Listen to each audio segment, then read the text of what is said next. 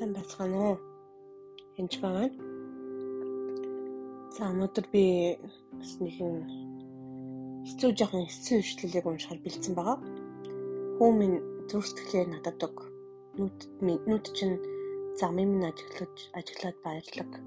Учир нь садар самуун болмоос гүн цоног бөгөөд завхаа юм болвоос нэрийн худаг нарийн худаг аж тэр дээрэмчин мэдхийн нэгнийг отож хүмүүсийн дундх ихтгэлгүй хүмүүсийг болшруулдаг.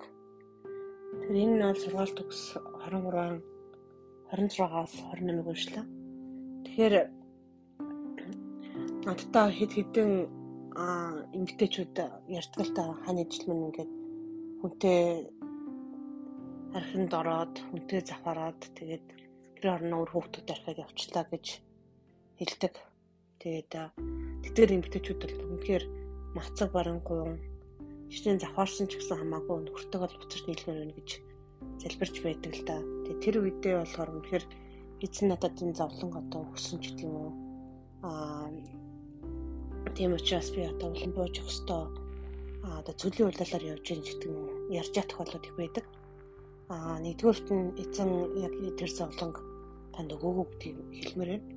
Яагад бол салгалтыг бурхан эзэс зөвшөөрдөггүй бурхан бол салж байгаа салгалтыг аливаалах жишээ нь завхаарсан ч гэсэн одоо завхаар бол салж болно гэсэн болохоос биш. Яг сал гэж бол хэлээгүй.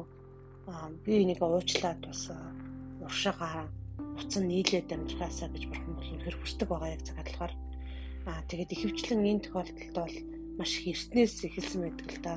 Нэгдүгээрт нь бол удмын хараалуудыг чөлөөлөх шаардлагатай гэж магадгүй. Яадгүй энэ ихэнхдээ бас энэ эдгэр хүмүүс заримд нь ер нь би тусалж чаддаг илүү их хоцорч байгаа бол а үнэхээр бурхнаас хоёр хойлоо холдоод явчихсан.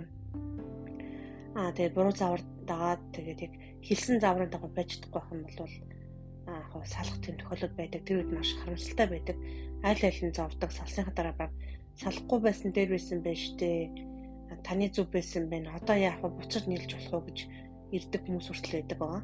А тэгэхээр э, эхлээд удамдт нь юм аль аль талд нь ч юм уу те дандаа салж исэн жишээлбэл нэг гэр бүлийн хувьд бол баг гэр бүлийнх нь одоо гэр бүлийн гишүүдийн 10 хэдэнтэй ахтай хамаацаад бүгдээрээ салж исэн салаагүй ганцхан тохиолдол нэг хүн байсан тэр нь бие биесээ одоо ингэ салж байна гэж хэлжсэн. Тэгээд тэр тохиолдолд удмын харуулга таслах хэрэгтэй.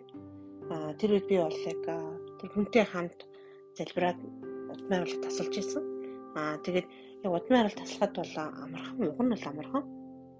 А гэхдээ зарим тохиолдолд мацаг барь залбирах шаардлага бас заримдаа гардаг байгаа. Тухайд бол би тухайн хүнтэй хамт 3 өдөр мацаг барь залбирч байсан.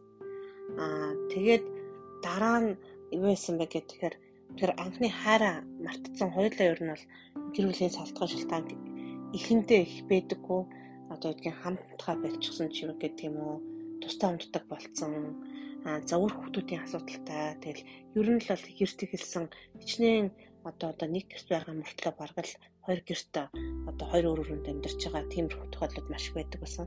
Тийм болохоор буцаад анхны хараа олохын тулд тэр хоёр алтмуудыг гаргаж эхлэх хэрэгтэй байдаг. Аа тэгээ тэр хоёрыг холдуулж байгаа зүйл нь одоо гэр бүлийн хоёрыг холдуулж байгаа зүйл нь сүнслэг зүйл гэдэг ойлгох юм маш чухал байгаа. Тэгээд аль болох тэр салан сарна гэж хэрэлдэх хэрүүлэлтэд авч хаях хэрэгтэй гэсэн үг.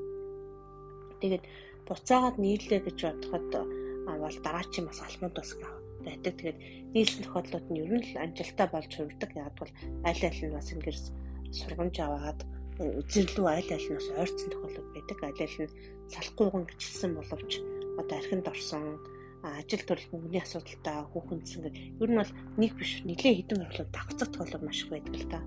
А тийм учраас тэгээд нь ч юм уу өглөх тэгэл янз янзын шалтгаанаас эхэлдэг л да. Тэгэхээр архины дан томдолтой руу холбоотой юм бол дан томдолтуудыг хөөх хэрэгтэй. Хоёрт явган яриа хэрүүл өгнүүдэд авч хайх хэрэгтэй. Тэгээд аа тэгээд үнэхээр цөлийн үйлдвэрлэлээр явж гэж бодож болохгүй. Энэ бол үнэхээр зүгээр одоо гим нүглээс болж үүдсэн зовлон байгаа. Үнсэн зовлон гэсэн үг нь бол тэгэхээр энэ тохиолдолд бол эзэн үнэхээр аврахыг хүсдэг. Одоо чамайг унгааж улам доош нь хийх илгээсээ илүү дуудагт байгаа хүнийг хурдхан шил татаж гаргахыг хийж хүсдэг. Тэрсэн ойлгох хэрэгтэй. Аа тэгээд нөгөө талд нь бас тэр очсон одоо цохаарсан эмэгтэй гэдэг нь тэр нь ч гэсэн бас нэг тийм зүв зүвтэй хүмүүс биш ялангуяа итгэж биш хүмүүс бол дандаа болж таардаг да. Тэгэхээр энэ тохиолдолд тэр хүмүүсийг уучлаад цэвэрлээд аа маш хурдан эзнээс зуураад эсрэгээрээ доош унахаас илүү эзэн минь туслаач гэд энэ хүнээс гарч чадахгүй надад туслаач мэрэгүүхэн хайрлаач яаж залбирах вэ гэд аа тэгээд аль болох өөртөө өөрөө чинь шүүхгүй хүмүүстэй хам залбирах хэрэгтэй байдаг. Тэгээд хүмүүс болохоор гэр бүлийн асуудлыг болохоор ер нь л өөртөө л болохгүй байгаа штэ л гэж боддог боловч маш олон тийм сүнслэг зүйлүүд байдаг. Гэр бүл болгон ингээд нэгдвэл байхад хамгийн өвчтэй байдаг учраас гэр бүлийг салгахын тулд өчтөр хамгийн их ажилдаг гэдгийг сайн ойлгох хэрэгтэй. Тэгээд тавьтал гомдомж бие биенээ хэлсүүгийг хүртэл өөр үг болгож мушгиж гоо мушгин гуйлж ойлгуулах хүртэл явдал байдаг. Мессежүүдийн ч гэсэн өөр болгож уншуулах явдал байдаг. Аа бүр ингээд улаан цай өөр одоо текст мессеж хүртэл явуулж ирсэн тийм одоо чөтгөр явуулсан тийм тохиолдлуудыг би хүртэл мэднэ. Тэгээд ямар ч байсан дайснаа сайн мэдээд хамтдаа нэгдүүл байхын тулд залбирах хэрэгтэй. Тэгээд эзнээс гуйх хэрэгтэй. Эзэн минь туслаач гэгээд эзэн бол заавал туслана.